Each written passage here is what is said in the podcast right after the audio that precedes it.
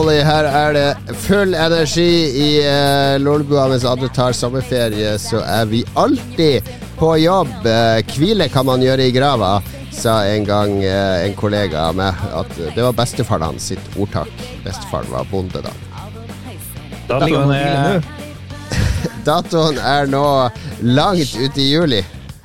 21. juli, tror jeg datoen er akkurat nå. Holy shit. Vi er time travelers, gutta. Endelig. Vi har løst koden. Vi har løst koden. For de som lurer, vi har spilt inn et par episoder på rappen uh, i starten av juli, for å, nettopp for å kunne tilby dere underholdning gjennom hele sommeren. Uh, men det merker ikke vi noe til. Vi er veldig glad for at uh, Italia vant fotball-EM, f.eks., for, eksempel, for det er nesten to uker siden. Hæ, Husker du ikke den uh, sjokkerende straffekonkurransen? Ja, ja, ja, Altså, en fenomenal stavsprangrekord nå i Tokyo-OL nettopp. Uh, det OL, ja. altså. Tenk at det begynte med en sånn streaker i uh, intro Ja, og med Lolboa-logoen. Vi betalte en japaner Oi. for å løpe naken inn på 100-meterbanen uh, med Lolboa på ryggen, og det gjorde han. Det var, var ja. vel anvendte penger. Du kan gjøre masse på Fiver. Fiver, det, kan, det er en egen streaker-kategori på Fiver, er det det? Streakers International? Kanskje, kanskje ja. vi kan lage ei, ei streakerside hvor folk kan uh, få streakerjobber, og så tar vi en sånn pay cut. Burde ikke vi stryke for å skape litt blest? etter han annet event? Han har slutta med å vise det i EM, husker jeg, da det fremdeles pågikk. Ja, det har blitt veldig Lars kan skrive Noah på ryggen, og så stryke et eller annet. Mm. Det var forrige episode. Vi må ikke, nå, hører, nå, nå skjønner alle at vi, det er bare fem minutter siden vi spilte inn forrige episode. Vi må liksom Vi må lukke den døra, så må vi ha helt nye sånne eh, ting og tang som vi henger oss opp i i denne episoden. Og Beste mm. måte å gjøre det på, er jo bare å gå rett inn på hva vi har gjort, tenkt siden sist. Uh, Lars? Ja da, jeg har møtt uh, folk som hører på Lolbua in the wild. Og det tror jeg Mats òg har gjort. Ja, det stemmer. Ja. Jeg tror vi har tre encounters på kort tid med folk som hører på oss. Jeg har til og med notert I Harstad. Yes. Jeg har møtt han uh, Kim. Kim råka jeg på her, skulle hjelpe en kompis med å flytte ting i et nytt hus. Og naboen hans han hører på Lolba, så det var litt uh, morsomt. Virker som en veldig sånn sindig fyr. Jeg lurer på om Lolbua-lytterne er litt sånn sindig og har beina på jorda. Det er litt sånn jeg tror det mye er. Kanskje det. Litt ja. sånn som oss. Og så skulle jeg ringe kundesenteret til Amedia, konsernet som eh, min bedrift er en del av. Og da, etter å ha snakka med han, så bare Ja, og så PS, eh, vet du hvem du er? Og så videre. Så det var litt, eh, litt morsomt. Så han har reach out later. Cato, hallo Cato, hallo Kim. Veldig koselig. Ja, jeg også, hadde også en, eh, en encounter. Eh, jeg var på posten og skulle sende en pakke. Eh, og så sto det en fyr bak meg, og så Jeg skulle sende en norgespakke, og da gir man jo fullt navn og adresse og alt sånt. Og så, etter jeg hadde levert pakken, så spurte han bare om jeg var Mats fra Lolbua. Uh, han heter David. Veldig, veldig hyggelig kar. Uh, er det ikke litt skummelt? Var, var er det ikke litt skummelt å bli gjenkjent sånn? Fordi du jeg vet hvor, mye skit du har sittet og lira av deg her. hva folk vet. Men liksom, alle er jo litt, alle er jo litt skitete, er de ikke? Det er jo ingen som er stuerein. Nei, det er jo ikke mm, det. Vi snakker jo bare om det var, Ja, det var genuint uh, morsomt. Jeg har jo truffet to folk offshore òg, som har gjenkjent meg, så jeg syns bare det er morsomt. Hm. Det viser jo bare at det er folk som faktisk hører på podkasten vår rundt i landet. ja, det er litt rart å tenke på, for jeg tenker sjelden på at folk faktisk sitter og hører på der. Altså, det er jo mm. det som er litt nøkkelen til, tror jeg, til den kjemien vi får til, er at vi er ikke så opptatt av hva vi kan og ikke kan si. Altså, vi har jo noen grenser, vi òg, men vi, vi byr jo ganske mye på oss sjøl, da. Ja, jeg tror det, det er litt viktig. Både positive og negative ting. Det er det folk liker, at, kan, at de kan speile både styrkene og svakhetene sine i oss, kanskje. Eh, kjenne seg igjen. Jeg kjenner meg ofte igjen i Lars som sitter med nesa i den telefonen hele tida når vi har sending. Jeg sitter ikke med nesen i telefonen. Hva er det du driver og ser på nå? Har du fått nye stable, stable gamle snus som jeg av en eller annen grunn ikke har kasta. Fordi når jeg sitter og spiller inn, så, driver, så, går det liksom på automatikk, sånn som når jeg er på jobb. Går liksom inn og ut mye raskere enn jeg burde. Jeg vet ikke hva det er, om det er fordi jeg kanskje er litt nervøs? Jo, jeg har, nei, så jeg har koden, Lars. Du må gjøre PC-rommet ditt triveligere, sånn at du har lyst til å være der. For det er, Akkurat nå så er det sånn isolasjonscelle. Det er ingenting der, det er bare en PC. Og det er, det er så kaldt og sterilt. Du må liksom, du må gjøre rommet litt koselig, ja. Lars. Få litt mm. eh, lavalampe og sånne ting. Noe pynt. Ja. Du hadde jo masse mm. lyttere som sendte deg fin pynt på veggen bak der. Du bare kasta alt det? Ja, det er det andre kontoret. Ah, ja, det er det. Ja. Mm. Kanskje flytte på det. Men jeg har tenkt på Jeg tenkte en del denne uka på det du sa forrige uke, Lars, med at du hadde fått bilde av hun der dama. Fordi ja. nå har jo du dine 300 bekjente som har dame, de har jo nå gått en uke og tenkt Er det dama mi? Er det dama mi? Er det dama mi? Ikke sant? har du tenkt på det? Jo, jeg har jo tenkt på det, men jeg vet ikke, hun sendte jo det her rundt til veldig mange, tror jeg. Så det er sikkert første gangen jeg har fått det. Så jeg ja, okay. vet ikke. Det, jeg ja. gjorde sikkert en big, større deal ut av det, men jeg tror ikke min dame hadde sendt bilde, sånne bilder kanskje, kanskje det er en testkampanje for premium Snapchat-kontoen hennes? Ja. kanskje det. Kanskje hun er på Onlyfans. Ja. ja.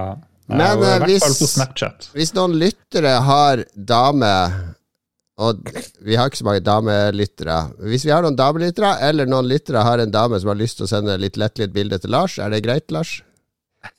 Jeg kan ikke oppfordre til det. det jeg kan oppfordre det, til det. Du trenger ikke oppfordre til det.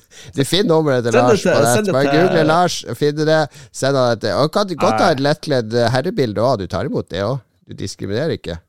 Jeg vil heller ha bilde av lettkledde menn. Ok, lettkledde menn. Send nummeret til Lars, og så snakker han om det i neste episode av Lolbua, hvis han får noe snacks i. Eh, avtale? Herregud. Kanskje premie til det beste lettkledde bildet.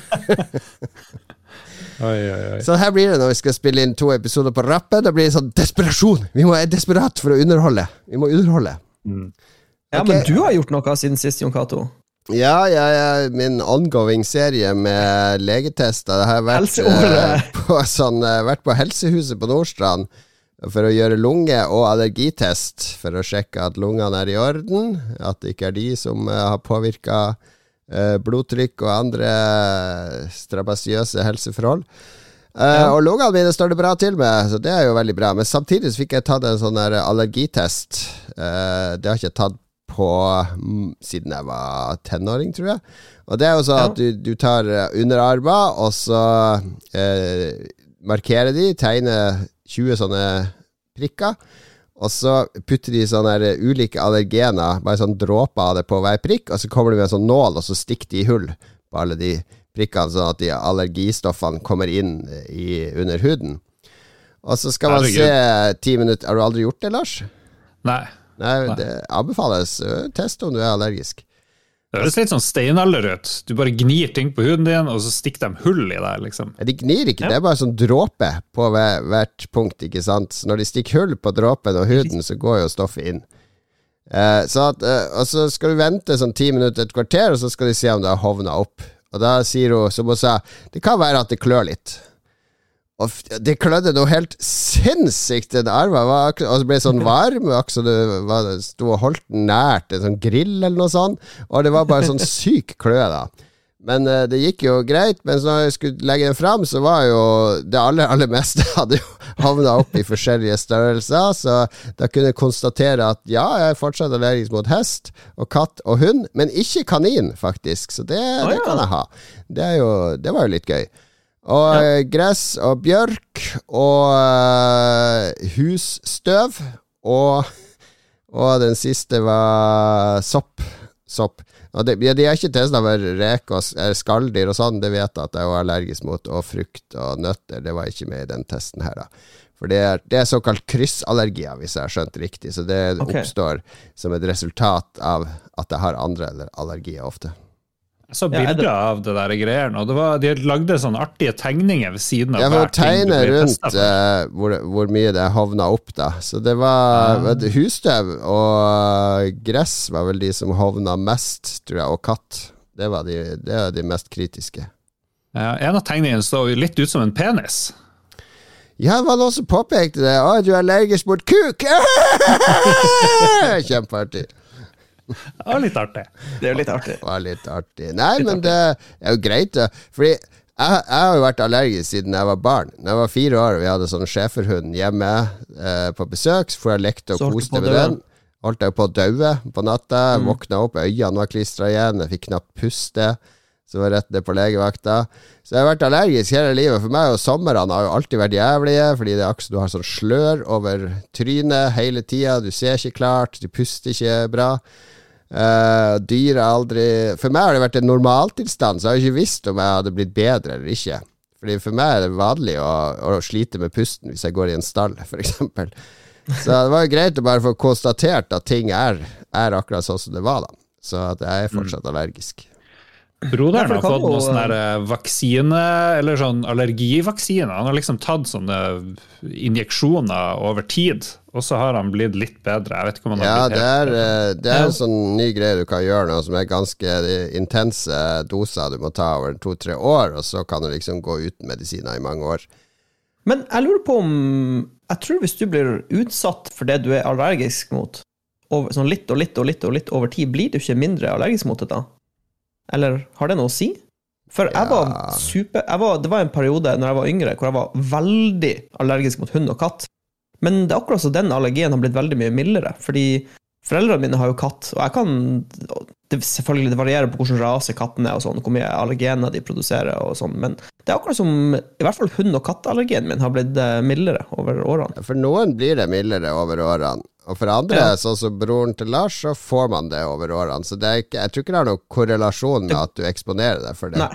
Det går, det går, begge veier, på en måte. Det vokser. Det blir jo som Nå er du litt inne på de der kristne sine tankegang om at vi, hvis vi tillater dette pride og disse homoene, så inspirerer det til at vi får flere homofile i samfunnet. ja, ikke sant? At man blir eksponert for det. Nei, jeg tror, jeg tror jeg hadde blitt ganske dårlig hvis jeg skulle få en katt her hjemme, bare for å prøve å kvitte meg med katteallergien. Kanskje ikke men, det. Um, men, men kan, kan, de allergiene ha noe å si med, med den andre helsetilstanden? Altså, det kan påvirke Ja, det kan jo det, Jo mer jeg snakker med alle disse legene, jo mer vet jeg at leger vet uh, ingenting. Det er bare sånn Ja, det kan jo godt hende. Det kan hende. Han ene legen jeg var hos, han begynte å snakke om Dr. House, om jeg hadde sett oh. den der serien med Dr. Det er jo et veldig Ja, da, da, følte jeg meg Å nei, jeg, jeg er jo i det landskap. Men han, men han, sa han likte den serien veldig godt, fordi det var alt var medisinsk korrekt i den serien, og alle de tilstandene var ting som faktisk kunne skje, men det var sånn én av 50 milliardedels sjanse for at mm. det noen gang skal skje. Men ja, det, er, det, er, det kan faktisk skje. Så, så, han begynte å prate masse om House, uten, uten at det egentlig var om meg, da. Men altså, altså det, det, kan være mye. Det er ikke alltid man finner ut av det, ikke sant? men man bare finne en måte å få det til å fungere på ofte. Så, så, det fungerer greit nå. Jeg, ikke, jeg skal ikke dø ja. snart. Det blir i hvert fall én eller to hytteturer til, hvis vi er heldige, før, jeg sparker inn uh, siste bøtta.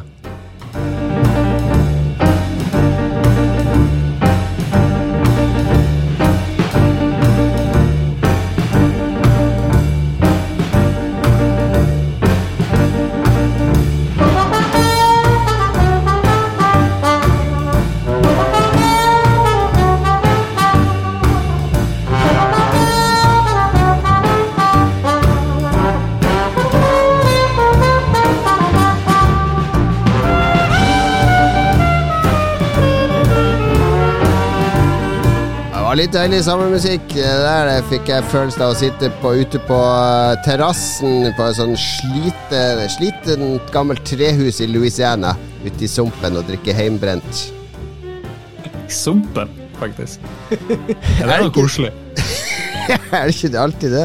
In, the bayou. In the bayou. In the bayou. In the bayou.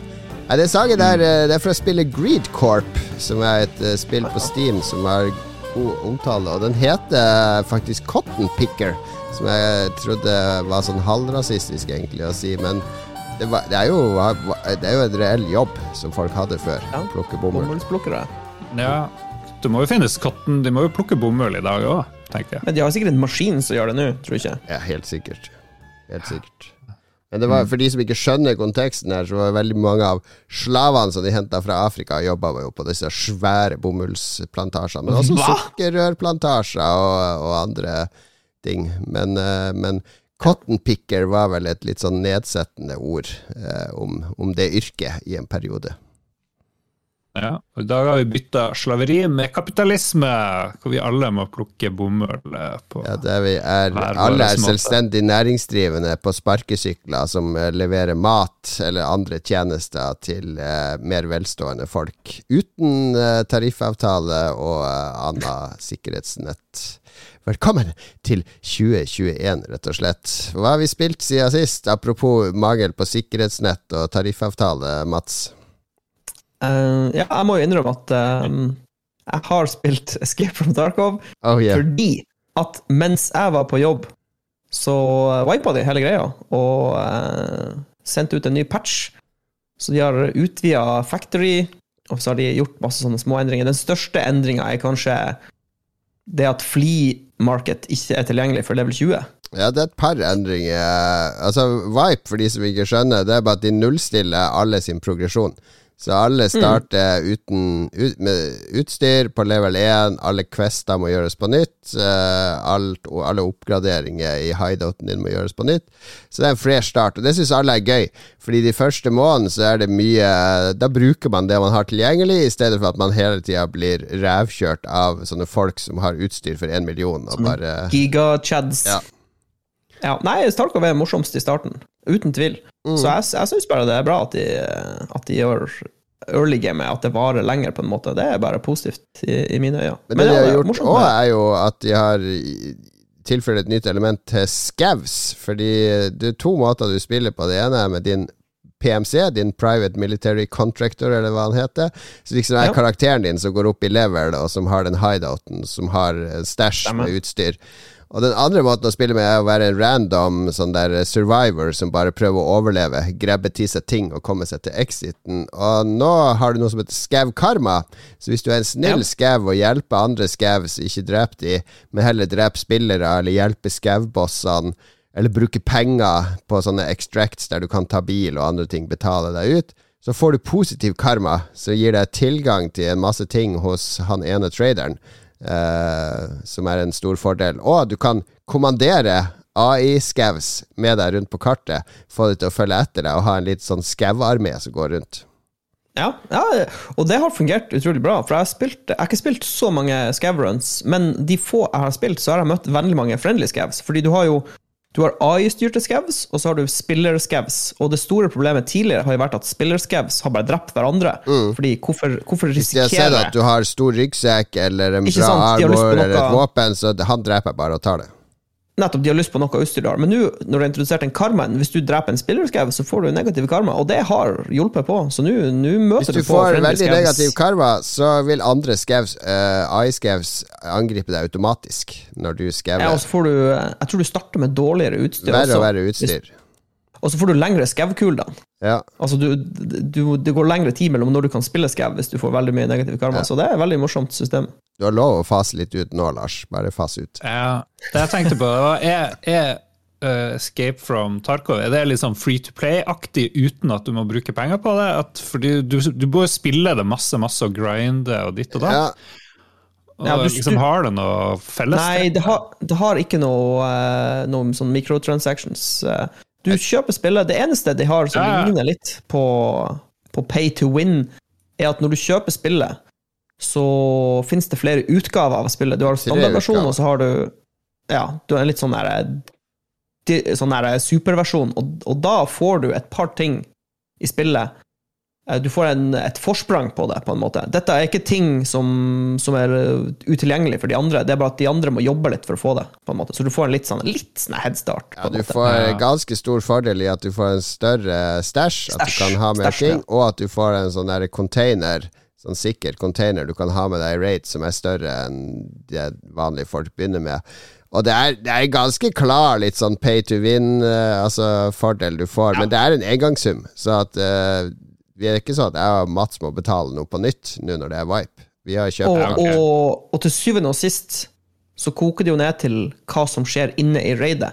Ja. Eh, klarer du å skyte de andre, eller klarer de å skyte deg? Og da har jo ikke om du, om du har stash size level 1, 2, 3 eller 4, det har jo ikke noe å si akkurat Neida. inne i raidet.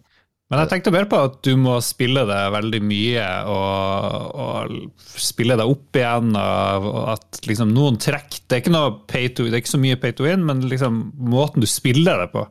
Ja. Eh, om det kunne minne litt om det. Men det gjør sikkert ikke det. Men da er det jo en god idé for uh, free to play-spill at de bare resette alt. Det hadde vært genialt. Det kan jo kanskje noen la seg inspirere av. Ja, problemet der er jo hvis du har brukt 2000 kroner i løpet av et år på et free to play-spill, på å kjøpe deg masse value og sånne ting, og så fjerner de alt.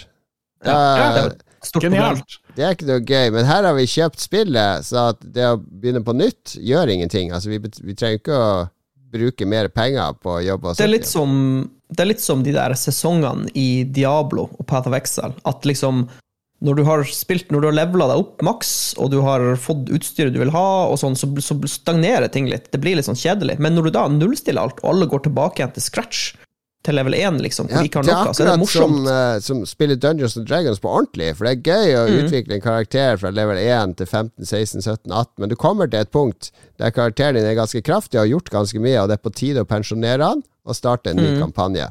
Det er litt, ja. litt sånn uh, i spill, dataspill òg. Ja, absolutt. Ja, nei, det det jeg har spilt, i tillegg til uh, det jeg snakka om uh, forrige gang, Wildermyth. Men det er jo en halvtime siden vi spilte inn forrige ukes episode, så jeg har ikke fått spilt så mye mer Wildermyth siden det. uh, ved siden av hva enn jeg sa i forrige episode, det er så lenge siden jeg husker ikke, så har jeg spilt en god del timer Dragon Quest 11. Oi, ja, du har endelig begynt på det? Oi! Ja, det er mitt sommerspill. Var det si, sitat anime-driten? Uh, nei, det var noe annet. Jeg husker okay. ikke anime-driten jeg nevnte sist. Men det her er jo anime-drit, på et vis. Og det som virkelig er drit, det er musikken i det spillet. Gud, hvor lei jeg er Tokyo Symfoni. Ja. Det er så provoserende samme musikken går i sånn femminuttersloop, føles det som. Og så er den så, distinkt, den er så distinkt. Du liksom kjenner igjen de ulike delene av musikken. Så jeg hater den. Heldigvis eh, så kan du bytte over til Dragon Quest 8-musikken hvis du har liksom eh, noe sånn bonus-DLC eller et eller annet. Det følger med i gamepasset. Men uh, det er noe error. Jeg har liksom claima de rewardsen på feil plass. Jeg kan ikke bytte over til den. Det var noen sånn tips om at Typisk ja, GamePass! Typisk GamePass! Ja, hvis du skal liksom ordne den musikken sånn at du skal få den der Drunk Quest 8-greia, så må du gå i 2D-modus, for du har liksom spillet egentlig i 3D, men du kan spille det som en sånn retro 2D-spill. Så da ble det masse tull. Fordi når du skal bytte, så må du save to ganger. Og så saver jeg over gamet jeg var på, så jeg mista sånn en time med progress. Jeg ble bare sur. Og da jeg bytta tilbake, så kom den jævla gamle musikken tilbake. Da jeg liksom hoppa inn i 3D igjen. Så den der musikken holdt på å ødelegge hele opplevelsen eh, for meg. Nå, jeg vet da farsken, altså. Ja, den Overworld Exploration-sangen er litt too much, men det skifter jo når du er inne i byer og andre områder. Det er ikke så eh, det. Men hva kan jo bare slå av musikken og spille din egen musikk. Jo, jeg kan jo det, men uh, ja. Anyways, mange som har skrytt over det her spillet. Jeg vet ikke, jeg ser ikke helt at det her er det beste JRPG jeg har spilt i hele mitt liv. Det er helt ok. Vi, jeg har liksom Jeg har gjort alt og kommet til en ny plass, dukket av fra de ondingene. Havna i den badebyen, teleporterte til en annen del av verden og sånt. Yeah. Og jeg vet ikke om det blir Blir det noe bedre da? Hvor langt har du spilt, Jon Cato? Jeg blir bedre og bedre. Hele tida. Alle på seg. Lag på lag på lag på lag.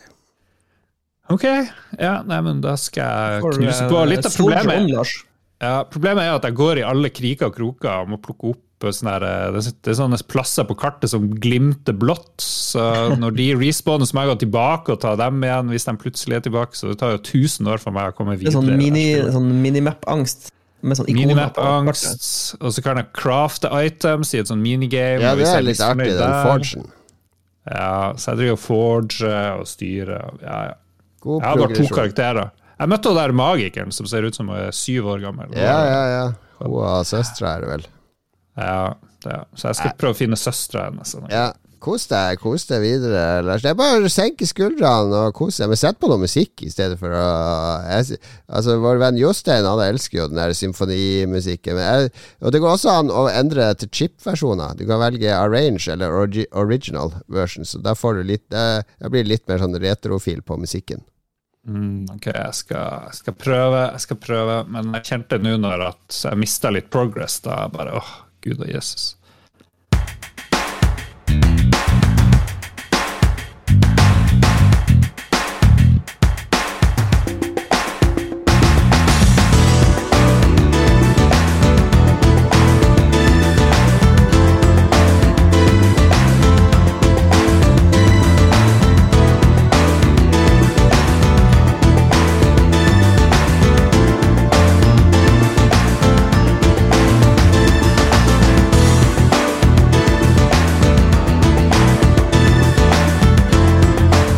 Megami Tensei-musikken. Det er Devil Survivor 2 som er undertittelen på det spillet. Og det her, dette var Overworld, eller Exploration-musikken i det spillet. Ja, hadde du likt den bedre, Lars? Ja. Alt er bedre enn driten du får i Dragon Quest 11.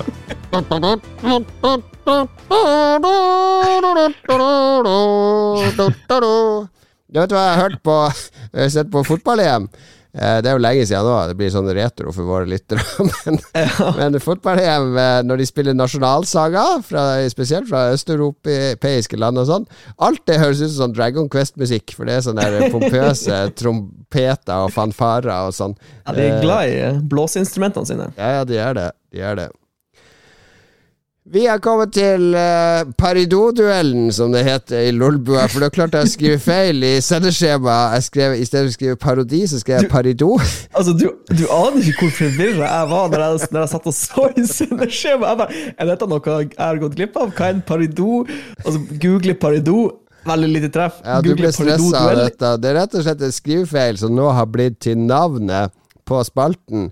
Eh, par, Paridot-duellen, der skal vi paridoere eh, en kjendis. Vi skal imitere, rett og slett. Eh, litt inspirert av Hasse Hope sitt eh, veldig artige Snapchat- og YouTube-show, der en, en, gjest er med, og de imiterer forskjellige kjendiser.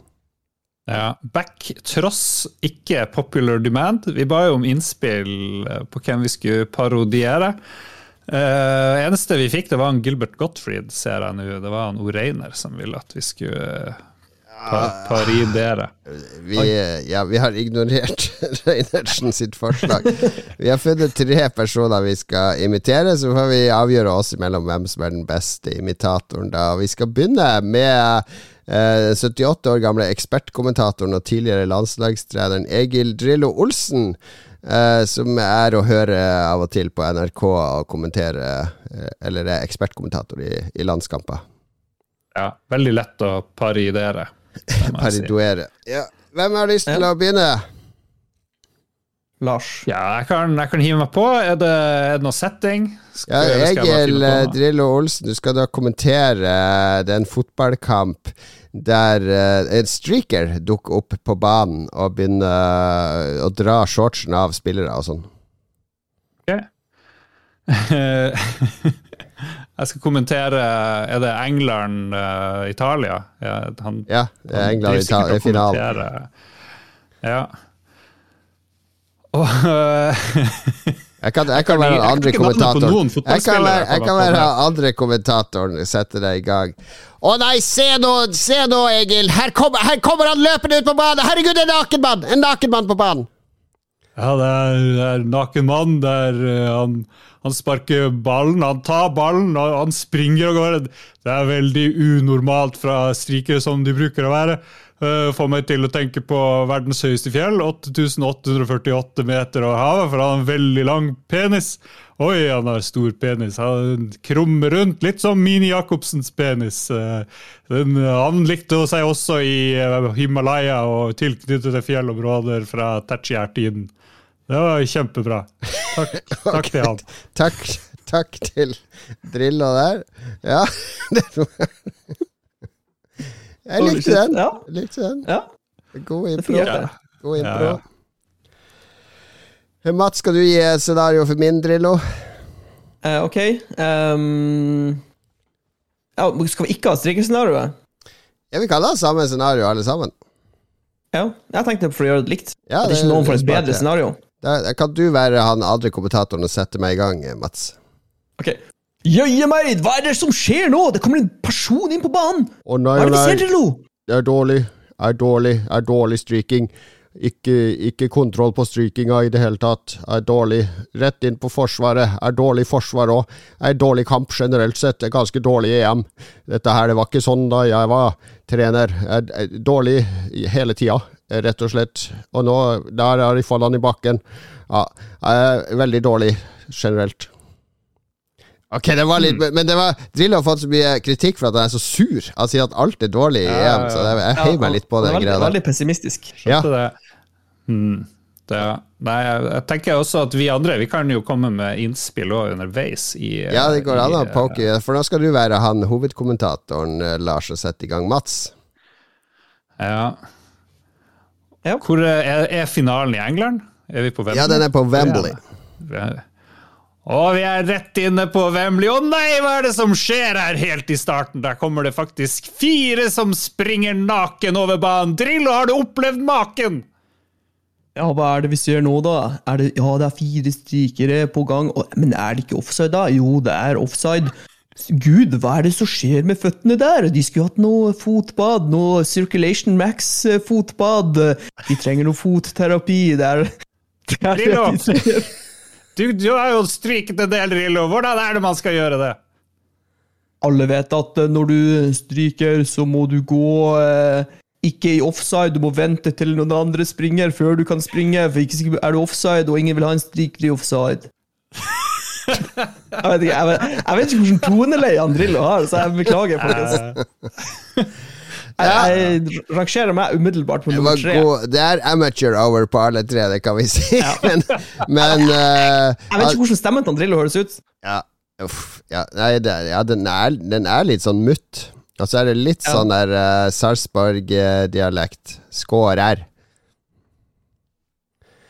Men ja, jeg syns det var Det går ikke an å kåre noen vinner. Lytterne får kåre vinnere. Alle tapere. Alle ja, vi får se. Hvis, hvis, det blir like dårlig på de to andre vi skal parodiere, så får vi refundere noen patrons her, føler jeg. Det, vi skulle latt den Men vi, vi, skulle spille inn to episoder på rad, og så jeg bare Ok, vi må jo ha en eller annen spalte i hver. Så bare ja, parodiduell. Ja, ingen unnskyldninger. No excuses. Nummer to som skal ut. Uh, da kan jo Vi må ha en ny som starter hver gang. Da kan jo jeg starte. Uh, det er selveste Quentin Tarantino, filmskaperen. Uh, litt kontroversiell filmskaper. Uh, har sagt å gjøre litt sånn dumme ting av og til, men alle elsker jo Tarantino-filmer når de kommer. Ja, nå er Tarantino på besøk i Norge, og ja, intervjueren, intervjueren lurer på om han har sett noe særlig norske filmer, kanskje. Det tror jeg Ja, det er ikke et dumt spørsmål. Mm. Skal du, eh, hvem skal jeg intervjue med, da? Jeg kan, jeg kan begynne å intervjue deg. Uh, hello, it's Birger Westmo here in uh, NRK. We have with us uh, Quentin Tarantino. And did you ever see any Norwegian films, Quentins? Yeah, I saw I saw some of those motherfucking films uh, already at the, at the Cinemaplex. They were, they had a Norwegian special uh, with, with uh, the Pathfinder, the one with the Samis. Ah, yeah. All right. Yeah, those motherfuckers, badass motherfuckers, badass motherfuckers up there in in uh, northern northern Norway with all the reindeer and shit. Yeah, shooting each other, arrows. I I I, I, I borrowed some. I, I, even have a homage to uh, Pathfinder in in uh, in oh. Kill Bill. Wow. What's what's the homage? Well, you can see a bow hanging in the background. Uh, the Hanzo Hattori's place. He, he has bows and he has swords. And one of those bows, and it's an exact replica. I bought it on eBay. I bought it on eBay from someone called uh, uh, Mikkel Gaup. Mikkel Gaup, I think it was called. Okay, thank you, Quentin. yeah, it's been a pleasure. It's been a pleasure. How you there, man. Ok, jeg var kanskje litt energisk. Eh, jeg begynte å lure på hvordan han egentlig hører Men han har litt sånn der pipestemme av og til. Ja, ja, ja. Uff. da skal da kan, Jeg tror det er siste gang vi har Paris Det angres. Det angres. Det angres. Ok, da skal jeg intervjue uh, Mats. Jeg kan gå ut. Ja. ja. Uh, very good to have you in uh, here in God kveld, Norge, Mats. Uh, tell me Nei. very good to have you here in God kveld, Norge, Mr. Tarantino. Tell me, what do you think about Norwegian women? Yeah, man, you know, I love Norwegian women, man. They have so much. They have like uh, the blonde, the blonde feet, like the, the pale feet. I'm a big feet mm. guy. I don't know if you heard. I, I, have you heard about the feet? I understand you're into feet, but uh, have you seen any Norwegian uh, movies that have inspired you uh, over the years? Actually, it's funny you should say that. Uh, I was uh, kind of looking into Norwegian cinema, and there's this movie called Kill Buljo, which oh. is like a parody on my movie. So I had to, I had to check it out, man, and uh, it was pretty shitty, you know. But it's a parody movie, so it gets a pass. How does it feel to be uh, parodied uh, by Norwegians? It's it's an honor, man. Uh, it means that my movies they're up there, man. Like in the cinematic universe. So yeah, I can appreciate it. I gotta go, man! det, der, det der tror jeg det ville vært det Tarantino svarte om norske filmer. Det tror jeg ville ja, vært uh, Det tror jeg var spot on, hva han faktisk ville svart. Ja, men eh, atter en gang så vet jeg ikke Jeg, liksom, jeg klarer ikke å høre stemmen til Tarantino i hodet. Så liksom jeg, jeg har ikke noe å si. Du skal Nei. bare channele hans essens. Det var min Tarantino. Din Tarantino. Ok, Mats, skal du intervjue Lars Tarantino? Ok. Uh Yo, yes, yo, yo. hello. Hello, welcome, uh, Mr. Tarantino. I am the ghost of Thor Heyerdahl. I have been summoned to ask you about wow. what about your opinion of Norwegian movies. Who the fuck are you, man? You know, the ghost? I am, I am the ghost, ghost of an explorer called Thor Heyerdahl. I was traveling around the world looking at many things. That's very interesting, I'm also man. a bit from Jamaica. that's that's really cool, yo. What? I saw your movie Kontiki. It was really, really fucking nice. It had uh, too little blood. You should have more sharks killing what, some what people. About, but there was a shark, Mr. Tarantino, on the on on Kontiki. Did you not yeah. see the movie? I saw the new movie, not the old. Was it? Was there a shark in the old movie too? I don't know. I don't care about it. There was a CG, a CG shark in the new movie. you're, you're very informed to be a ghost, Turheira. I am an up to date ghost. Yeah, I, I want to say shout out to all my Norwegian fans. Uh, fuck all the ghosts. I like lutefisk. Lutefisk, I can eat that shit all fucking day, and I'm gonna put it in my next movie. I'm gonna call it Minnesota. We eat all the fucking lutefisk in Minnesota, and we show some feet. Thank you. Ok, Jeg føler at Mats prøvde å kuppe det ved å få inn en ekstra ja. parodi på å få litt ekstra Det var mye mer interessant enn uh, min karakter. ja, men jeg er jo mer interessert i å høre om spøkelset til Thor Heyerdahl enn uh... Jeg syns det var bra. Veldig bra, Mats. Jeg syns Lars Tarantino var best. What? ok. Siste parodi Vi kjenner kjenne godt. Nå skal vi nemlig parodiere Ståle fra Ragequit. Det betyr at oh, en, av, en, av, oss må være Christian, da, og, og så må en være Ståle. Da er det du som begynner, Mats, denne gangen. Eh, da kan jeg være Christian. Vi kan jo være alle. Det er jo, de er jo ja, tre. Og så... Lars, du kan være Dag Thomas. Så er Christian. Hallo. Eh, Hallo.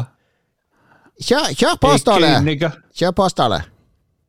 Eh, ja, velkommen til Ragequit episode 789. Eh, denne episoden så skal vi snakke om sko. Kristian, hva Hallo. er dine favorittsko? Jeg, jeg bruker ikke sko. Eh, det, det, det, er ikke noe jeg bruker. Jeg er så lang og høy og store bein, så det, jeg vil ikke ha på meg sko. Stakk en nål inn i øyet mitt. Helvete. Stakk en nål i øyet mitt, og så skjærte jeg av meg tre fingre nå. Jeg sitter med en neglesaks. Dag Thomas, du hører ut som en karakter. Jeg klarer ikke uh, Ståle, Ståle tepper ut. Jeg klarer ikke å herme Ståle. Det, nei, det Ok, ok. tepper ut. Uh, Lars, da får du være Ståle.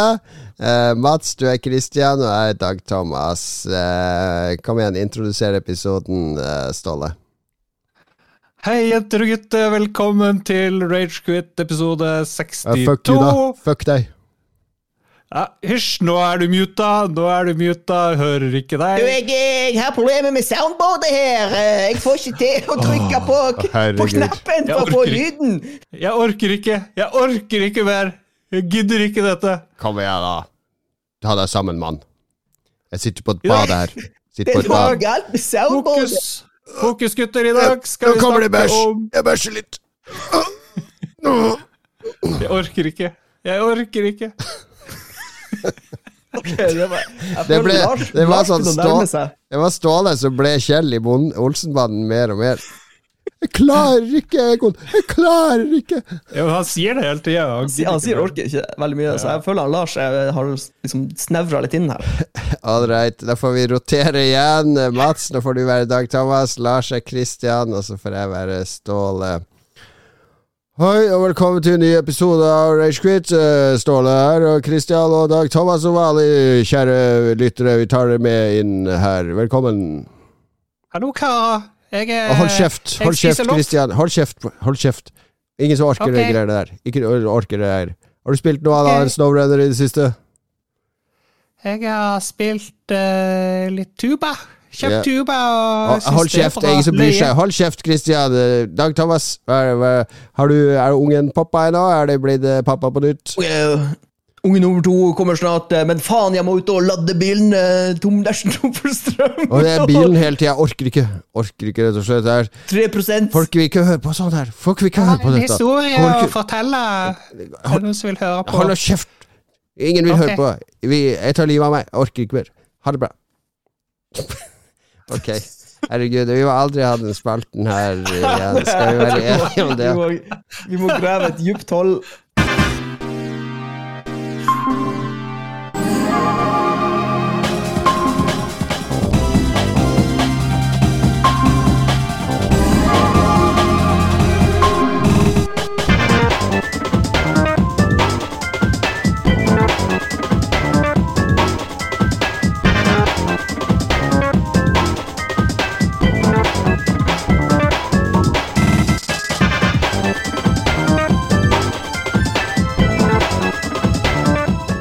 Spalten som aldri må nevnes med navn, er herved død og begravet og skal aldri nevnes i Lolbua mer i noen som helst sammenheng. Glem at du har hørt denne spalten i denne episoden, kjære lytter.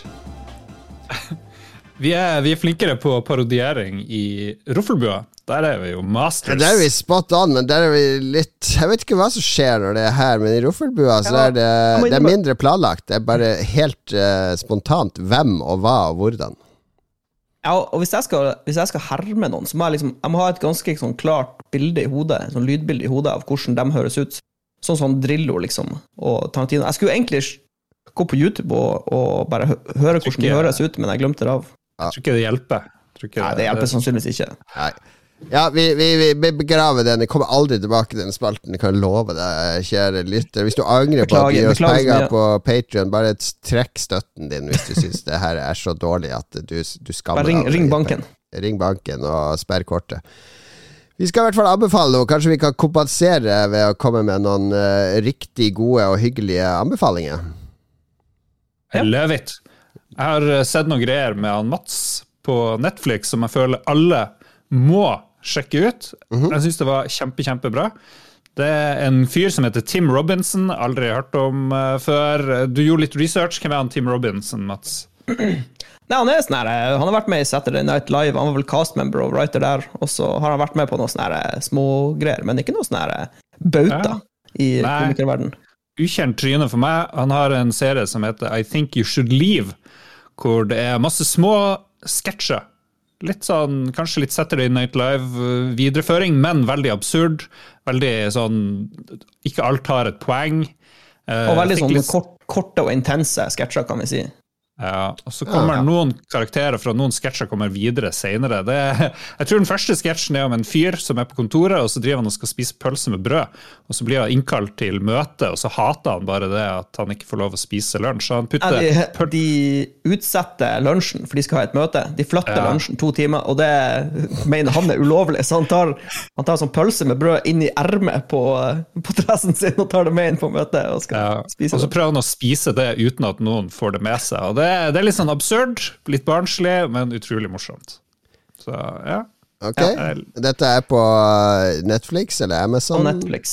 Netflix. Ja. On the Netflix. Det, det, det, ja. det, er litt sånn her, Det er en sånn typisk uh, uh, komiserie som, som trår på linja av liksom Noe treff, og noe treffer ikke. Ja er ikke fulltreffer, kan vi si, men noe er veldig morsomt. og noe er litt sånn... Det er jo ja. bedre at noe er dritmorsomt, og noe bommer helt, enn at alt mm. er sånn der uh, smiler litt. Middels. Ja. ja, helt enig. Mm. Det er sånn sketsjeshow, altså. Ja. Ja. Vet ingenting om noe av det her. Skal vi se. Andy Sandberg og teamet fra uh, Lonely Island er sjefsprodusenter. Ser jeg på et raskt Google-søk. Ja, du, du, kan bruke Google. Uh, nei. Betryggende.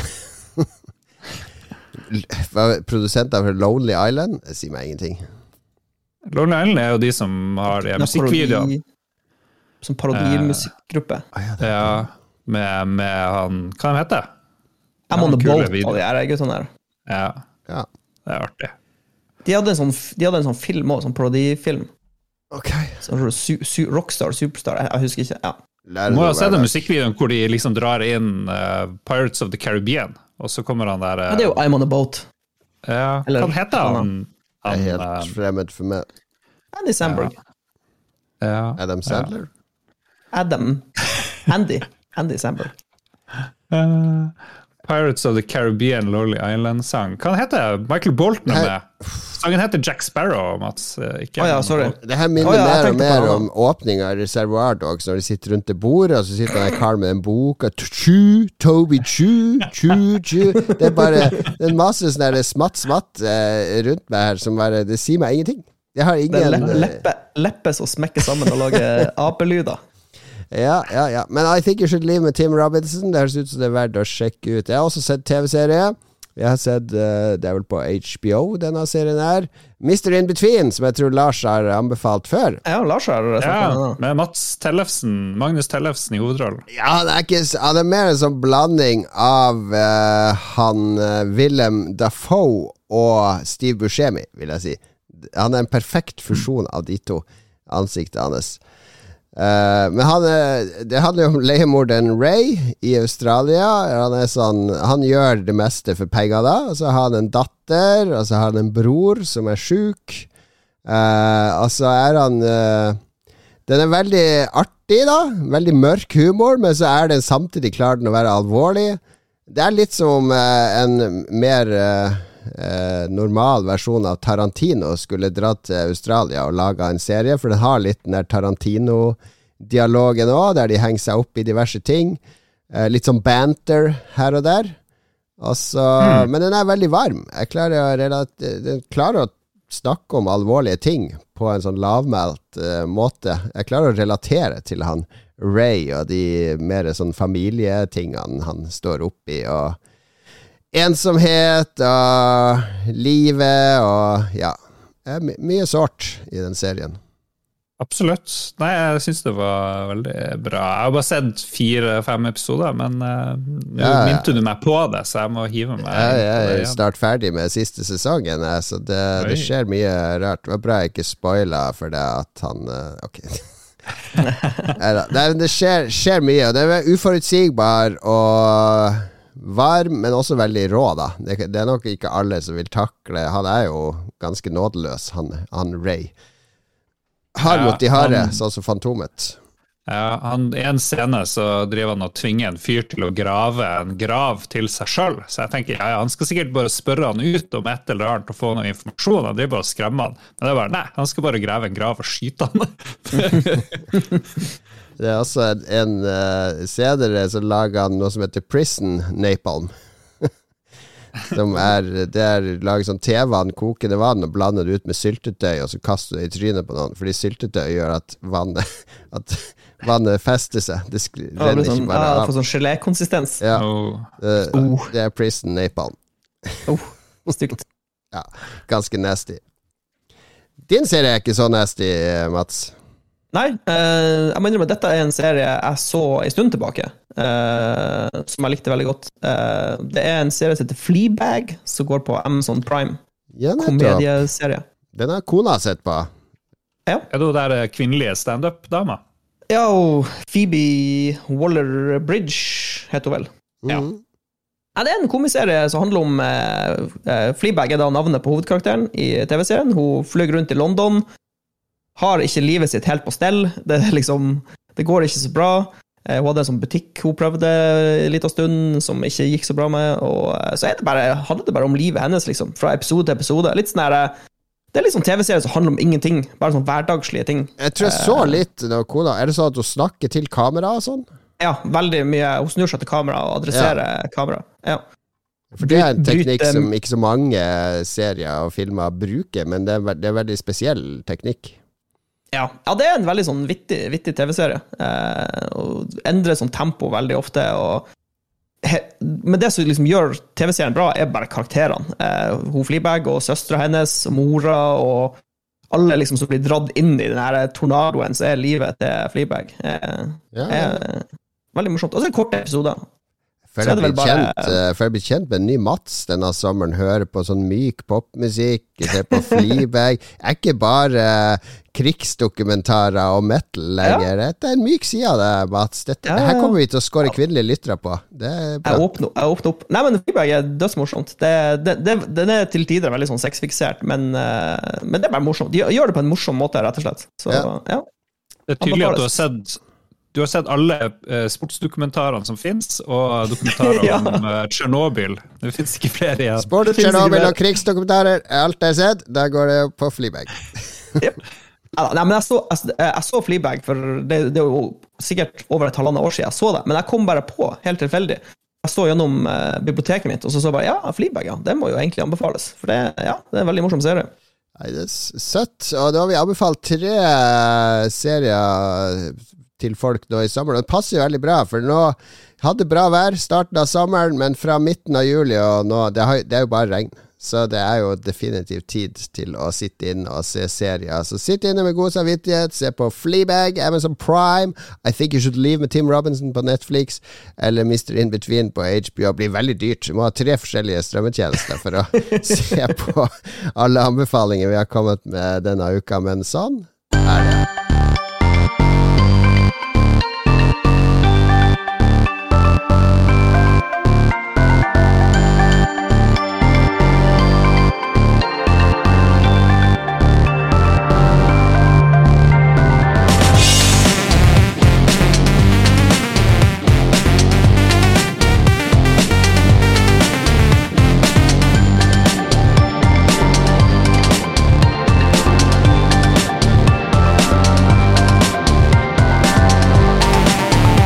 Super Meatboy-musikk der. Forest Funk eh, først i verden i det fantastiske eh, indiespillet. Kom på 360 i sin, sin tid. Mm. Hva Skulle det komme en oppfølger til Meat, Super Meatboy? Jo, det kommer, men den, han Edmund McMillan og Tommy Refnes har ingenting med den å gjøre. Så, ah. Og den var vel bare sånn Endless Runner-spill. Uh, ja, fikk ikke noe god mottakelse, så jeg tror ikke vi trenger å gi den mer oppmerksomhet, egentlig. Jeg hadde en idé nå om å lage, siden vi har spilt inn to episoder på rappen Går det bra med ryggen din, forresten, Lars? ja, ja. Det, går, det her er jo ingenting. Altså, du, jeg blir, men jeg sitter veldig dårlig. Jeg sitter på kanten av stolen. liksom. Ja, du trenger en ny stol, Lars. har du en sånn kjøkkenstol du sitter på, eller? Jeg har Mats sin gamle kontorstol, tror jeg. Ja. Jeg får se. Nei, det der er ikke min stol. Er det ikke din? Okay. Jeg får se ryggen på den. Nei, nei, nei, det er ikke min. Ok. Men du, du, kan ikke spille så mye fordi hendene funker ikke, du kan ikke ta opp så mye podkast fordi ryggen ikke funker. Det er noe alderdomsgreier på gang her. Ja, Hadde jeg trent litt, så hadde jo alt det her gått helt fint, sikkert. Så jeg tar selvkritikk. Tilbake i treninga, med andre ord. Jeg hadde en idé om å lage en sånn Best of lytterspalte, der jeg faktisk gir ned på det første sendeskjemaet vi har for de første 100 episodene. Tenkte nå skal jeg plukke ut gamle spørsmål fra lyttere som vi kan svare på på nytt, nå som vi har modna. Men vi hadde, alle episodene våre var veldig sånn temafokusert, så det er veldig sånn spesifikke spørsmål om 1984 eller play, beste PlayStation-spill og sånne ting. Det ble litt sånn kjedelig mm. å dra fram. Det eneste spørsmålet jeg fant som vi egentlig burde ha hver sommer, er fra René Bjerknes Olsen. Jeg, jeg tror han hører på fortsatt. Får håpe det. Får håpe det. Hallo, René. Han spurte deg i hvert fall for seks år siden hva er det mest spennende Lars har skrevet i uh, den avisen vi ikke sier ved navn her, i sommer. Men nå jobber du jo i, i Harstad, så hva er det mest spennende Lars har skrevet i, i Harstad i sommer? Hmm, det er et godt spørsmål. Eh, det går jo inn eh, og ut veldig fort, hvis det er lov å si det. Men hva er det mest spennende? Nei, vi har, vi har dekt mye aktuelle ting. Um, mest spennende Festspill, måke så drit på torget. Ja, det har vært en del måke, og Corona. festspillene er jo morsomt. Ja, jeg vet ikke. Det som har gitt mest respons hos uh, seere, men det var ikke jeg som skrev det, det var en sånn kjip sak om selvmord. da. Det, det, den uh, ligger ja. høyt på lista. Men uh, nei, jeg har ikke noe jeg har ikke noe godt svar. Hva er det mest spennende jeg har skrevet? Jeg syns jo alt jeg skriver er utrolig spennende. Jeg har ikke Jeg beklager. Hva er liksom det tom, Vi har liksom, spilt inn lenge. Tom for energi, bare si det. Ja, ja. Så, men liksom når du jobber som journalist, det er jo, du er kun opptatt av det neste, og så går du videre. Det er ikke sånn at jeg driver og dveler så mye over det jeg har skrevet. altså. Det, det bruk og kast. Men Er det noe dere har skrevet i år som kan vinne SKUP-prisen? Nei, det tror jeg ikke. Vi holdt på med en kul sak om en helikopterstyrt, det, ja. men det er alt jeg kan si. Ja. Right. Spoiler. Vi har vanlige lyttspørsmål, da, for vi sparte noen fra forrige ukes episode. Blant annet Martin Pettersen lurer på hvordan Mats har tenkt å vri seg unna denne gangen, når han hadde VR-headset såpass lenge og ennå ikke svart på det alle lurer på. Ja, det var det her porno i VR-spørsmålet. Ja. Uh, og ja, jeg, jeg, har prøvd uh, Jeg testa det litt ut, uh, men jeg må innrømme jeg forstår ikke helt greia. det, virker, er jo bare en video med litt sånn 3D-effekt, så Det er ikke noe interaksjon? At, ja Nei, altså, jeg, jeg, var litt sånn underwhelmed, for å være ja. ærlig. Jeg, jeg, trodde det var sånn her at jeg kunne At det var som et VR-spill, at jeg ikke liksom kan se hvor jeg vil se, på en måte. Det, det finnes jo sikkert kanskje det finnes kanskje 3D-applikasjoner for det her, da, men jeg har bare prøvd den barbariske, enkle løsninga som finnes lett tilgjengelig og lovlig. Det... Uh, men for uh, knusende uh, likegyldighet, kan vi si. Ja. Kun, det er ikke noe som endrer hverdagen. Kun for research. Research purposes. Research. Jeg, jeg, føler at Jeg tror ikke VR er Jeg vet ikke om det passer så bra til akkurat det, for du, liksom, du blir jo blind på en måte i virkeligheten. Ja. Du, ja. AR liksom det er kanskje bedre. Rundt det. det praktisk rundt det. AR-porno. Ja. Jeg tenker, jeg tenker, vi må ha sånn The Matrix-greier, at du bare uh, plugger en uh, ledning i nakken og forsvinner inn i dataverden. Da tror jeg vi kan snakke. Ja, ja, ja. ja. Hva skjer på telefonen din nå, Lars? Jeg driver og ser uh, på sakene mine som har uh, eh, skaffa flest abonnementer. Du ble så uh, misfornøyd med at du ikke klarte å komme på en eneste sak du har skrevet i sommer. ja, nei, men det, jeg er jo nyhetsleder, så jeg gir jo mye saker til andre. Da, så det, det, men jeg, og jeg skriver jo mye sjøl, men um, ja. Jeg beklager. Fortsett. Ja. VR-porno. Vi, vi, vi, har konkludert med VR-porno. Ja, vi er ferdig. ferdig. Ja, jeg skjønte det. Li, li, eh, gir veldig lite. Eh, vi ja. trenger The Matrix. Vi trenger at du kan jacke deg inn i The Matrix og uh, oppleve, oppleve dine villeste fantasier. Mm. Ja. ja. ja. Agri, agri. agri. Uh, Stian Skjerven lurer på hva slags utdanning vi har, og hvor vi studerte. Det er jo et seriøst spørsmål. Vil du begynne, Lars Rikard? Hvis du husker yes. hvor du gikk på skole da, siden du ikke husker sakene dine? takk, takk, takk. Jeg har studert i Oslo på universitetet. Noe av det artigste der var jo å gå og ta sånn IT-greier på Blindern. Ikke studere noe, men bare sitte og bruke ja, fordi de For å få tilgang til internett, som vi ikke hadde hjemme da, så måtte du studere informatikk. Så du måtte melde deg opp til en eksamen, og så melde deg av to uker før eksamen, bare for å få en konto, så du kunne logge deg på og surfe. Yes. Ja, Så det var jo herlig å, å drive og surfe med på Blindern, da? Det er jo interessant. Jeg tok X-Fill, jeg tok eh, sosiologi, grunnfag, eh, og så tok jeg japansk. Jeg tror det var de tingene jeg tok. Ja. Japansk var jo veldig artig, lærte veldig lite. Det morsomste jeg studerte, var jo journalistikk, og så har jeg gått forfatterstudie i Tromsø. Forfatterstudiet er jo magisk. Det journalistikk studerte du i Stavanger? Ja, ja, ja. Uh, og så tok, jeg tatt noe sosialantropologifag uh, om populærkultur. Uh, om hvordan subkulturer som fengselskultur, narkokultur, jazzkultur liksom går inn i mainstreamen. Og det er veldig fascinerende. Hvordan liksom man begynner å Hvorfor plutselig det er populært å gå med e- buksebeinet, det ene buksebeinet heisa opp blant sånne rappere og hiphop-folk og sånt liksom stammer fra fengsler. For det, eh, homokultur det er jo veldig mye av sånne subkulturer som blir, glir inn i mainstreamen. Madonna tar plutselig inn ting liksom, eh, på 80-tallet fra, fra, vennene sine og møter på klubber. Så blir det plutselig noe alle gjør, men så har det utspring i noe sånn skikkelig snevert. Det, det er gøy. Interessant. Det er det. Ja, ja, jeg gikk jo på Blindern sammen med Lars, mens jeg drev og susa mellom informatikk og matematikk og fysikk.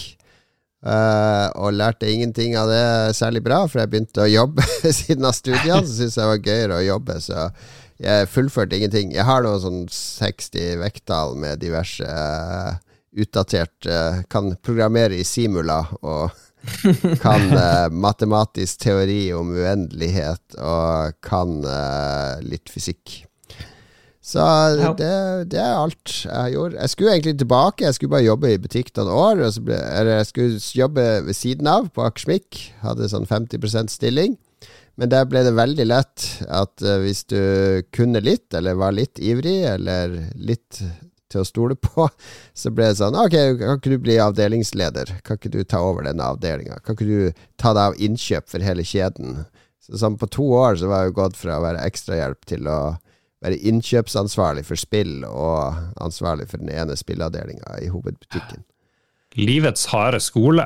Ja, det var skikkelig livets harde skole. Men det var gøy å jobbe og tjene penger. da Morsommere enn å studere. Så jeg tenkte alltid at jeg kan bare dra tilbake og studere senere. Men det har jo bare vært jobbing siden.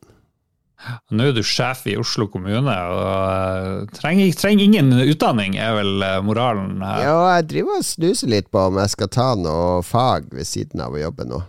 Det, det er lov. Ja, ja, for når du jobber i det offentlige, så kan du jo videreutdanne deg til den store gullmedaljen. Ja, det er kompetansebudsjetter, det, det har vi. Hva du vil studere da? Er det ledelse? Noe sånn kjedelig drit? Ja, det må jo bli, må jo bli seriøse ting. Noe jeg har er noe morsomt. Gå forfatterstudie i stedet. Det er det morsomste du kan finne på, tror jeg. Ja da, ja da. Husk at jeg er published author, Lars. Allerede. Ja, jeg har jo lest det der, og ser store behov for utdanning. Mats, da? Ja, nei, Jeg er litt som deg, Jon Cato. Jeg tok forkurs ingeniør på Høgskolen i Narvik, og så var den store planen å dra til Trondheim studere på NTNU og bli eh, rå IT-student. Mm. Men så kom det ut et spill som het World of Warcraft, eh, som var mye kulere å holde på med i stedet for å studere. Så det var mye festing, eh, dataspilling, lite studering, litt sånn vekttall her og der. Og så innså jeg at eh, dette går ikke så bra, jeg er ikke noe studentmateriale. Så da begynte jeg å jobbe på et lager. Så var det litt sånn jobbing, og så forsvant jeg ut i, i Nordsjøen. Eh, og har egentlig jobba der. Hvordan var veien fra lager til Nordsjøen? Det er jeg litt nysgjerrig på. Ja, det er litt eh, Det er faktisk uh, litt tilfeldig. Fordi, nei, fordi jeg hadde Jeg hadde hatt en sommerjobb uh, i et selskap i Harstad som heter Altinex, mm. uh, hvor faren min uh, jobba. Og så fikk jeg, fikk jeg sponsa det der sikkerhetskurset eh, der, da. Og så reiste jeg litt offshore med dem i sånne, sånne småjobber på sommeren og sånn. Eh, og siden jeg da hadde det sikkerhetskurset og erfaring offshore, så åpner jo det litt dører når du søker på offshorejobber. De vil jo alltid ha folk som vet litt hvordan det fungerer der ute og sånn. Og da, når jeg søkte på Jeg søkte på to selskap, og så fikk jeg napp hos det ene, da. Ja. Og så ble det bare til at jeg jobbet, har jobba for dem siden da. Jeg og Lars som er MDG-sympatisører, vi vil jo ta fra deg jobben din. Så hva skal du bli etter dette, da? Ja, altså, jeg holder på Jeg har som ambisjon å ta et fagbrev eh, ja. med det jeg jobber med. Så jeg, blir, jeg, håper, jeg har tatt en, en eksamen, en, en teorieksamen. Eh, og så er det det praktiske som er litt verre å gjennomføre, eh, fordi du må ha sensor offshore.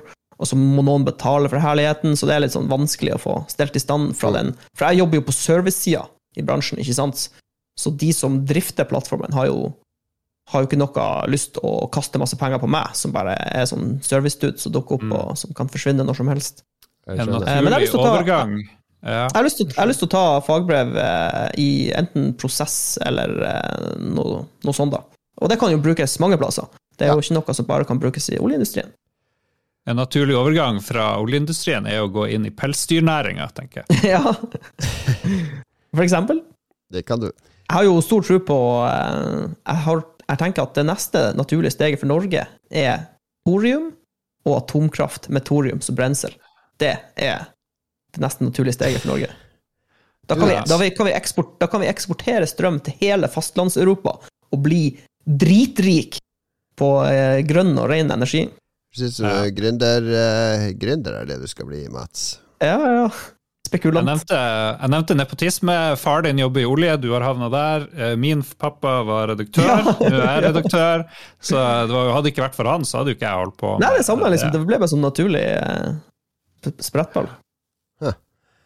Ja, nei, det, unge lyttere, det ordner seg ofte. Eh, bare studere et eller annet, begynne å jobbe, finn på et eller annet. Du er som en sånn derre eh, de der knipsautomatene før med det kronestykket. Man bare spretter rundt nedover, og så havner man til slutt nede, dør til slutt, nede i bunnen.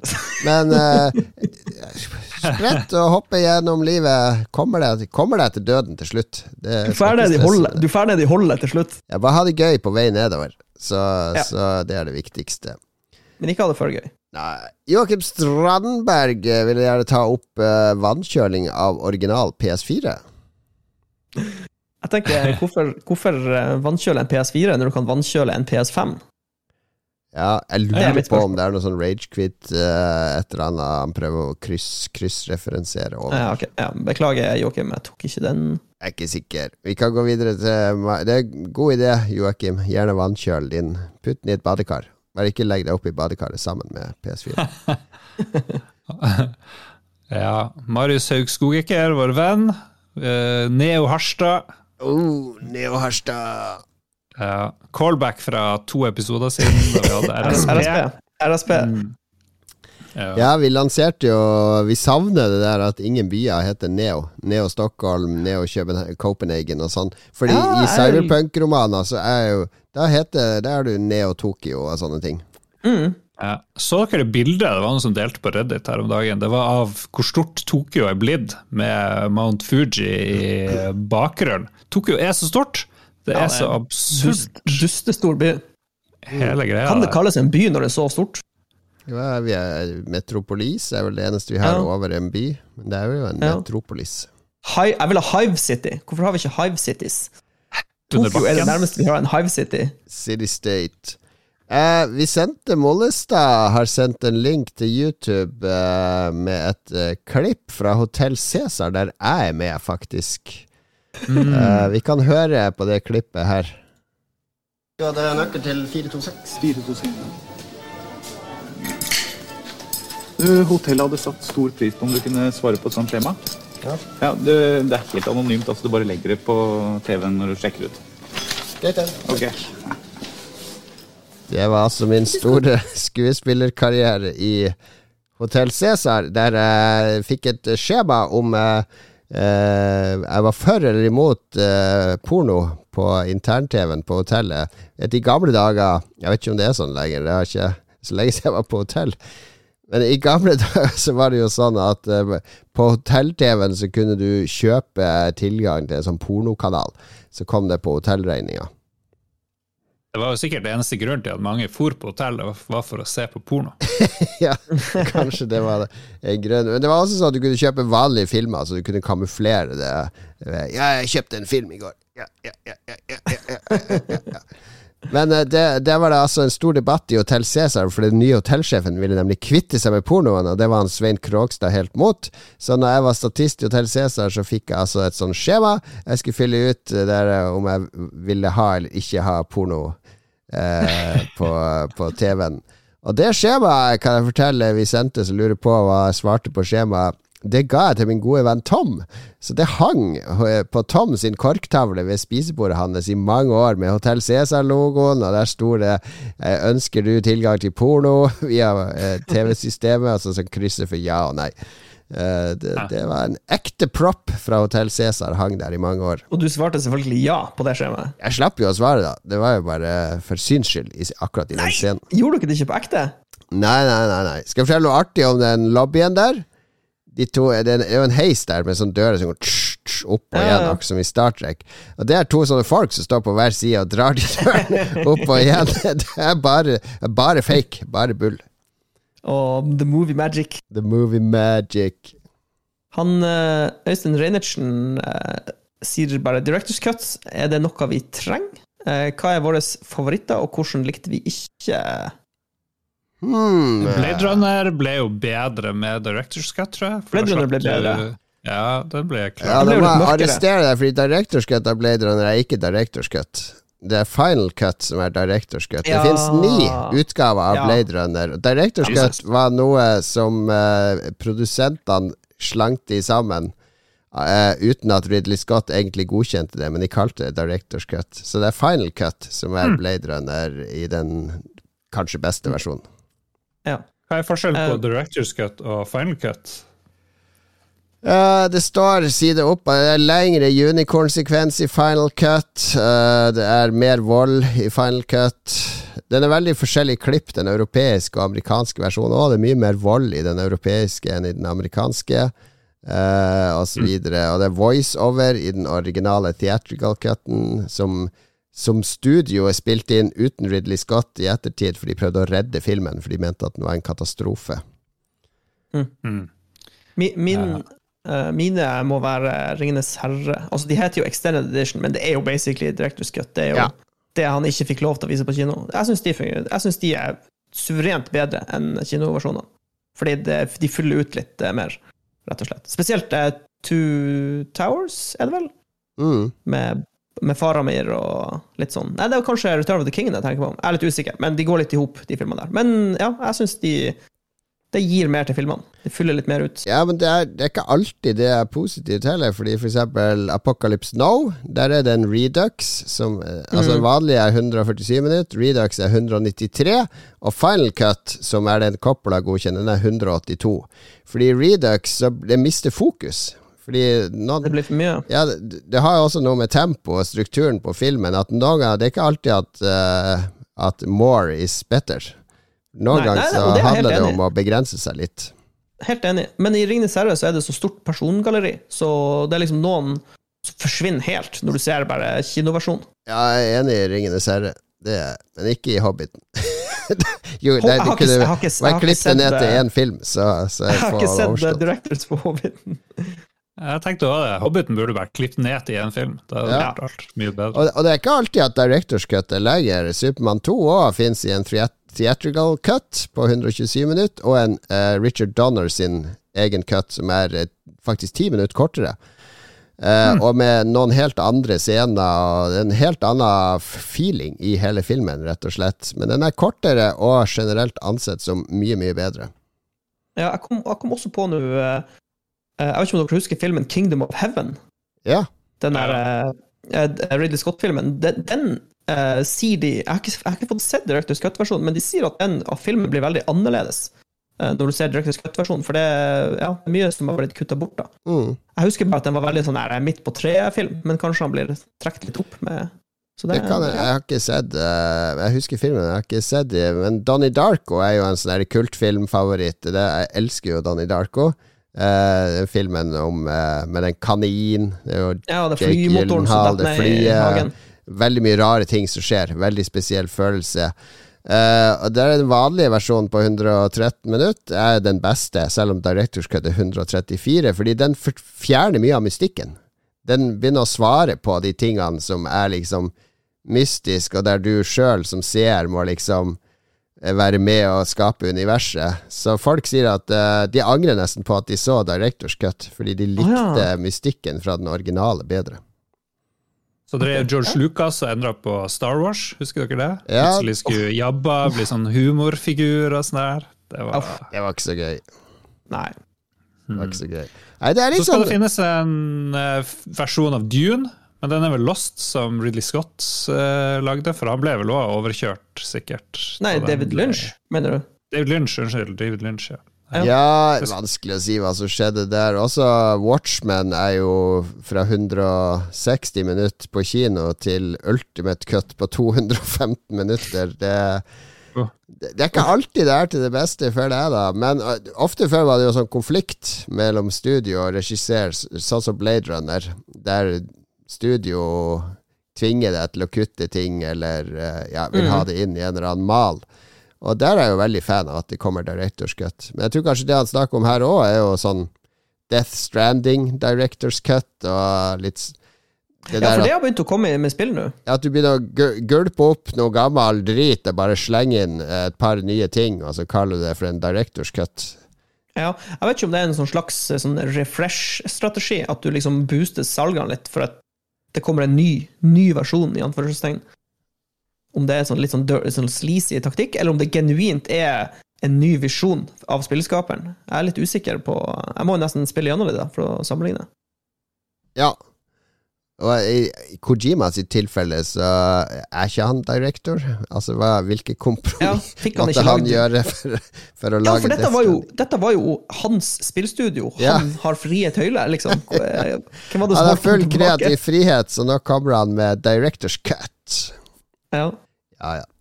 Siste spørsmål er fra gode gamle Puntis, uh, Håkon Puntervold. Lordbua blir en sitcom. Hva slags roller får hvert redaksjonsmedlem? God sommer, boys! ja. Sommer. Tom Wilhelm Ødegaard er bra svar. Lars er Henry, Mats er Nils, og Jon Cato er Carl. Det er ganske spot on. Ja, det er spot on. Eh, jeg føler kanskje Lars er mer Nils, og du er mer Henry Mats. For Lars er den uansvarlige, den der eh, beina på bordet og spiser potetgull. Jeg er jo glad i cola og potetgull, da. Jeg er jo Godt forstått. Tom Wilhelm har fasiten her, rett og slett. Det hadde jo vært Olsenmannen, så er jo jeg Egon Lars Er Lars da Kjell? Ja, Lars må være Kjell, tror jeg. Ja, du er mm. Benny. Ja. Jeg kan være Benny. Ja. Benny Hill. Hvis vi er Bee Gees, så er Larry, Lars er Barry, og du, Mats, du er Robin. Gary. Gib. Gib Brothers. Gib. Gibb. Hva hvis, vi, hva hvis det er Seinfeld? det gjør ikke jeg heller, det var det som var morsomt. ikke sant? Det er ingen, som ser, det er ingen forskjell på de tre. Hvis vi er B-gjengen, så er jeg 176 761. Lars er 167 Ok. Vi har brukt opp den nå. Vi er ved slutten. Skal du hylle en produsent i denne episoden, Lars? Ja da! Vi har vel hylla alle produsentene nå, bortsett fra Skroll opp. Hvem er det vi ikke har hylla? TTMXMP. Han nye har vi ikke hylla. Nei, han har vi ikke hylla. Vi tar han TTMXMP først. Ja. vi fikk han Shant 59 sist. Bauta TTM eksempel, han har vært med siden det gikk an å være produsent, sammen med Kobrakar, tror jeg òg er liksom OG. de OGs. OG. Mm. Det er utrolig kult. Stor respekt.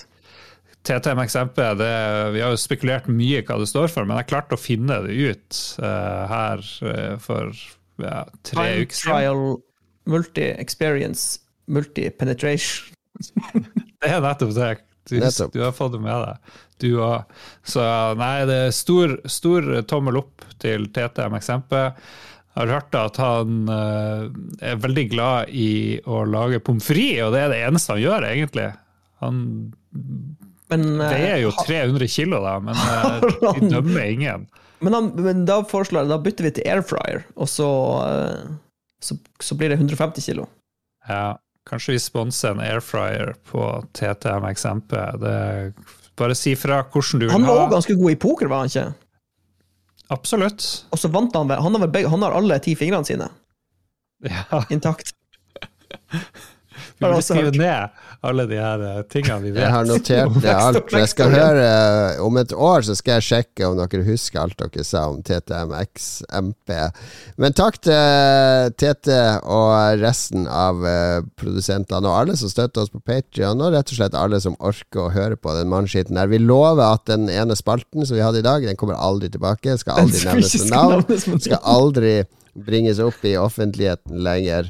Eh, vi lover også at vi ja, vi prøver å holde det gående gjennom sommeren med uh, nye episoder osv. Uh, neste uke blir det antagelig en Sidbua. Uh, til glede for de som gleder seg til det. Med litt retromusikk, så det kan du se frem til. Uh, ellers, hva skal dere gjøre resten av sommeren, karer? Uh, nettpoker. Jeg skal si opp, eller jeg har sagt opp jobben. Jeg skal kun spille nettpoker nice. resten av livet. Jeg skal padle en kajakk til Skottland. Ja, ok. Herlige planer. Hva du skal gjøre, Mats? Nei, Jon Cato, hva du skal Jeg skal danse sommernatta inn, og jeg begynner med å danse til uh, Taito sin EDM-remix av selveste Space Invaders. Vi danser oss inn i natta. Dans du og lytter. Om du er på T-banen og hører dette, i bilen, stopp bilen, gå ut av bilen, og så kan du danse til ekte Space Invaders-musikk. God sommer! God sommer!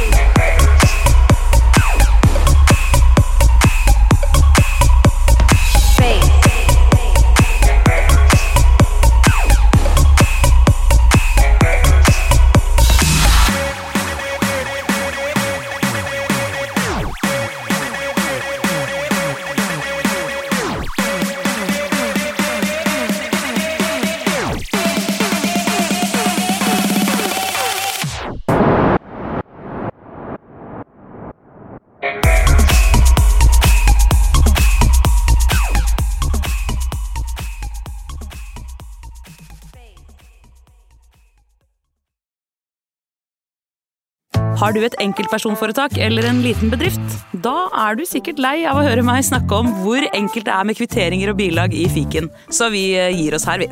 Fordi vi liker enkelt. Fiken superenkelt regnskap.